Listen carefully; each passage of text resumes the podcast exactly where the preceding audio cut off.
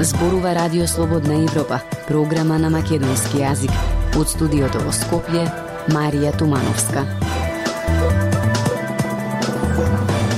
Во емисијата ке слушате Време е за укинување на вакциналните сертификати, апелираат дел од епидемиолозите. Агресивната урбанизација на Скопје продолжува. Кои се општините рекордери со најмногу градби? Од светот се очекуваат интензивни борби во украинските градови. Независни вести и анализи за иднината на Македонија на Радио Слободна Европа и слободнаевропа.мк. Започнуваме со емисијата. И невакцинираните имаат солиден имунитет, заклучија здравствените власти по скринингот на населението. За дел од епидемиолозите, ова е показател дека сертификатите веќе немаат поента и треба да се укинат. Здравствените власти пак сметаат дека не треба да се брза со нивно укинување. На оваа тема Ивана Стојкова.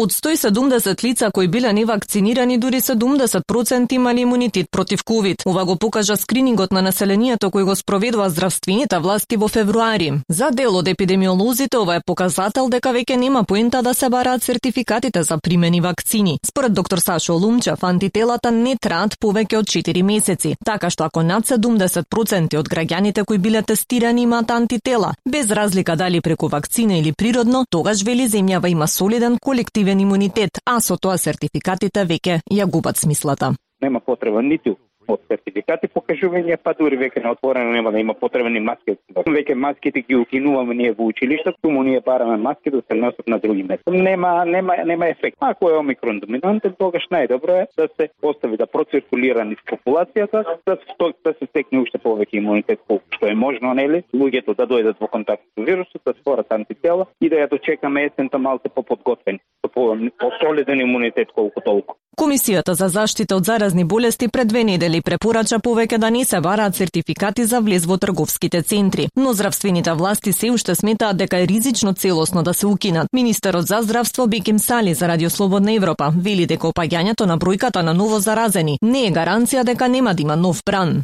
Ние како колектив, како општество имаме стекнато колективен имунитет, меѓутоа гледаме дека не е доволен со бројките кои што во континуитет ни се ново инфицирани, доколку ние секој ден имаме 200 до 300 ново инфицирани, тоа вели дека се уште сме потенцијален ризик како општество да ни се зголемат бројките, а со тоа и хоспитализации, па и несакани ефекти, односно смртни исходи. За сега е ситуацијата е смирена. Можам да сметам дека е позитивна смирена, во зелена зона сме. Меѓутоа не би требало да носиме брзи одлуки со тоа што би ризикувале здравје на секој поединец во, во општеството. Но и покрај досегашните правила за приложување сертификат при влез во објектите, граѓаните кои ги анкетиравме велат дека честопати воопшто и не им бил поваран сертификат На бранот околу нова година, кон 90% од случаевите во гостителските локали не бараат вакцинални сертификати и онаму каде што ги бараат не обрнуваат внимание дали вакциналниот сертификат е со истечена важност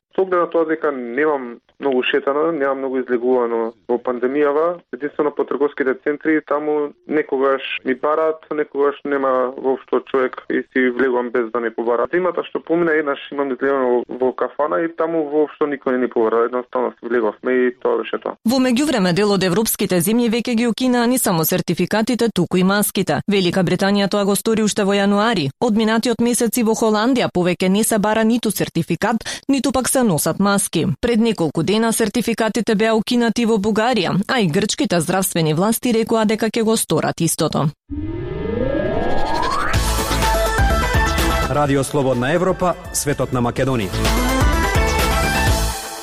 Продажба на државно земјиште по багателни цени, уништување на зеленилото, а на секоја слободна парцела нова зграда. И покрај противењата на граѓаните, агресивната урбанизација на Скопје не запира.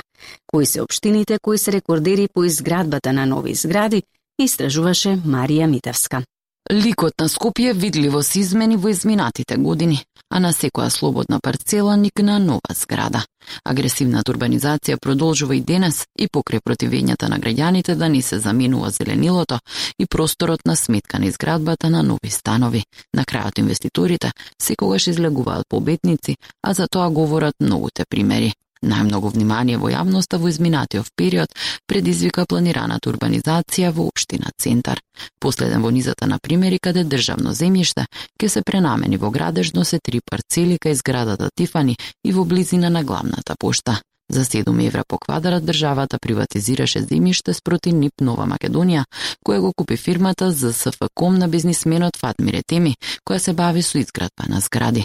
На просторот кај поранешната фабрика за мебел Треска, исто така во план е изградба на згради. Општина Центар со одлука на Советот организираше и конкурс за идејно решение за тоа како да изгледа тој дел од градот, но идејното решение се уште не е познато во јавноста. Во меѓувреме компанијата Fashion Group и обновители на Македонската православна црква го оградија паркингот спроти Holiday Inn и стартуваат оградежни градежни активности на плацот каде е во план изградба на три згради од 16, 20 и 22 ката. Никола Вилковски од групацијата за градежништво при Стопанската комора, кој е и поранешен главен градски архитект, вели дека филата веќе мора да го крене својот глас, посебно бидејќи сега се изготвува и нови новиот генерален урбанистички план 2022-32 година. Во сите овие општини, поготово со овие сите у централно градско подрачје, нема веќе никаква ни потреба, нити сме да, да се гради и да се направи инвестиција на се што е од таков тип на град. Според него, ако има потреба од дополнителни станови, згради треба да се градат на периферијата на Скопје. Освен во општина Центар, градежната експанзија е највидлива и во скопските општини, аеродром Карпош и Кисела вода, каде најголем дел од просторот се збогати со нови згради. Тоа го говорат и податоците на Државниот завод за статистика. Аеродром е општината каде во последните 6 години се завршени најмногу станови, 4793 на број. Потоа следи Карпош со 3360. На трето место е Кисела вода со 1307 и Центар со 1170 36 завршени станови. Вкупно овие 4 општини од 2015 до 2021 година добиле 10.636 станови, а изградбата не запира. Министерството за транспорт и врски изготви измени на Законот за урбанистичко планирање. Власта го најави како најтемелна реформа во урбанизмот и градежништвото во земјава. Вкупно 35 организации, невладини граѓански иницијативи, академски и научни институции доставија заедничко барање за јавна расправа за предложените измени. Актуелности свет на Радио Слободна Европа. Од светот, Русија не сака да влезе во украинските градови, но ќе биде принудена да го стори тоа при што ќе претрпи големи загуби, вели за Радио Слободна Европа пензионираниот полковник на специјалните сили на Соединетите држави Лиам Колинс. Тој објаснува како би можело да изгледа следната фаза од војната во Украина и зошто таа нема да заврши наскоро. Прилог на Гоце Атанасов. Руските напади врз градовите низ Украина оставија пустош, при што обколените градови како Мариупул и Харкив на истокот на земјата се разурнати од артилериски и ракетни напади. Украинските сили почнаа со контранапади на некои места низ земјата, запирајќи ги руските сили и водејќи ја Москва се повеќе да се врти кон напади со бомбардирање градови одалеку. Оваа фаза од речиси месечната војна остави многу луѓе без храна, струја и вода, и предизвика широко уништување на цивилните области. Но со украинскиот отпор и со руските сили кои се соочуваат со проблеми со снабдувањето и логистиката, војната би можело да прерасне во градски битки кои би трајале долго. Радио Слободна Европа разговараше со пензионираниот полковник на специјалните сили на Соединетите држави, Лиам Колинс, извршен директор на политичкиот форум Медисон, кој исто така го советуваше Украинското Министерство за одбрана за воените реформи. Според него, она што ја карактеризираше војната во последните неколку недели ќе потрае, односно руските сили ќе бидат надвор од градовите во релативно безбедни позиции, а потоа со артилерија ќе ги напаѓаат градовите. Русите имаат помали резерви од колку што очекува. Јасно е дека со нивниот првичен напад тие мислеа дека ова ќе биде операција со краток рок. И оти русите немаат силен логистички систем, како што имаат многу западни армии. Значи несомнено е дека сега ќе бидат напнати, вели Колинс, наведувајќи дека тоа ќе ги спречи да прават големи напади и затоа користат релативно безбедни позиции за артилериски бомбардирање. Кога ќе влезат во градовите, тие не само што ќе бидат изложени на украинските вооружени сили, туку ќе бидат изложени на десетици илјади доброволци, кои ќе се борат против руските елементи. Така Русија на вистина не сака да влезе во украинските градови, но тие ќе бидат принудени и ќе претрпат големи загуби во текот на нивното движење во градовите. Ке биде тешка урбана борба, оценува Колинс, додавајќи дека војните секогаш траат многу подолго отколку што предвидува која било страна. Ако било која страна го знаеш исходот, веројатно немаше да војува на прво место. Очигледно Украина немаше избор. Потребни се долго време и големи загуби за да се натера едната страна да капитулира. Значи нема опција рускиот председател Владимир Путин да се повлече со загуба во овој момент. А украинците нема да капитулираат. Тие нема да се откажат од својата суверена нација и да станат руски сателити. Затоа мислам дека тоа само ќе се одолговлекува. Колин заклучува дека нема нешто брзо што може да истави крај на ова војна и затоа тој очекува тоа да биде долг процес.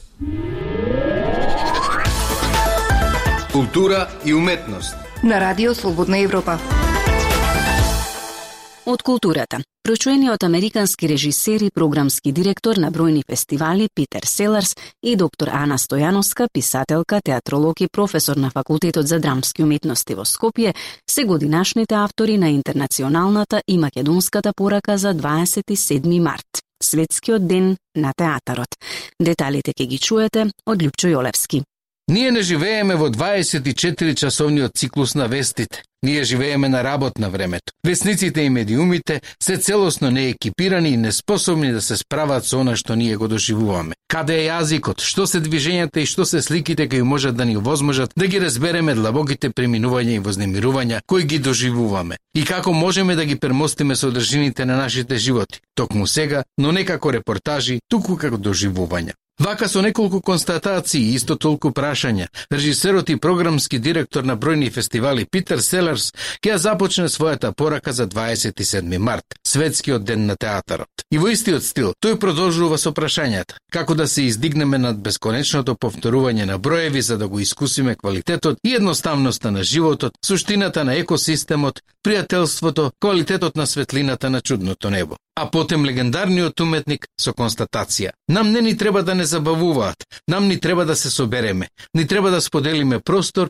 и ни треба да го култивираме споделениот простор. Нам ни требаат заштитени простори за длабоко слушање и балансирање. Театарот е креација на земјата, простор на баланс помеѓу луѓето, боговите, растенијата, животните, капките дошт, солзите и регенерацијата. А нашата Ана Стојановска, по повод светскиот ден на театарот, обраќајќи им се на своите колеги уметници, неговите движечки атоми, неговите витези и пркосници, најнапред вели дека театарот постои од која постои човекот, дека во секој од нас се крие еден изведувач и тоа прво го чувствуваме, а потоа го свестуваме. Дека сакаме да играме, да создаваме приказни, да прикажуваме, да вознесуваме и да сме вознесени. Како и секогаш, кога имало вакви разбурботени времиња, театарот се обидувал да се снајде. Театарот е пире, преживува и преживел се. Не само болести, уништувања, војни, туку и печатот, радиото, телевизијата, видеото, дори интернет. Театарот ја носи во себе интимната човекова доблест да се снајде. Исто колку што ја носи и таа да се спротиставува, на која повеќето од нас заборава. Театарот е гласот на отпор во миговите кога сите други гласови се замолче. Нам, што не припитомил театарот, задача ни е да сме гласни кога другите молчат. Да кажеме кои факти се неточни. На кое место минатото на театарот е фалсификувано. Затоа што и тоа се случува. На нас е и одговорноста да го чуваме театарот, да му овозможиме да се снајде и да преживее и во вакви времења. Затоа сакам да порачам да бидеме похрабри, драмските автори и писателите да пишуваат поотворено, похрабро, помоќно, режисерите да не си седат комотно во комфорните зони, актерите да се предизвикаат себе си да направат уште поголем извед. Да се говори јавно, отворено, да се критикува, но не да се критизира, да се инспирира, да се отвораат можностите, да се даде шанса на сите што ја заслужуваат, затоа што сите ние му требаме на театар. Вели Стојановска. Толку во оваа емисија ја слушавте програмата на македонски јазик на Радио Слободна Европа. Од студиото во Скопје ве поздравуваат Дејан Балаловски и Марија Тумановска.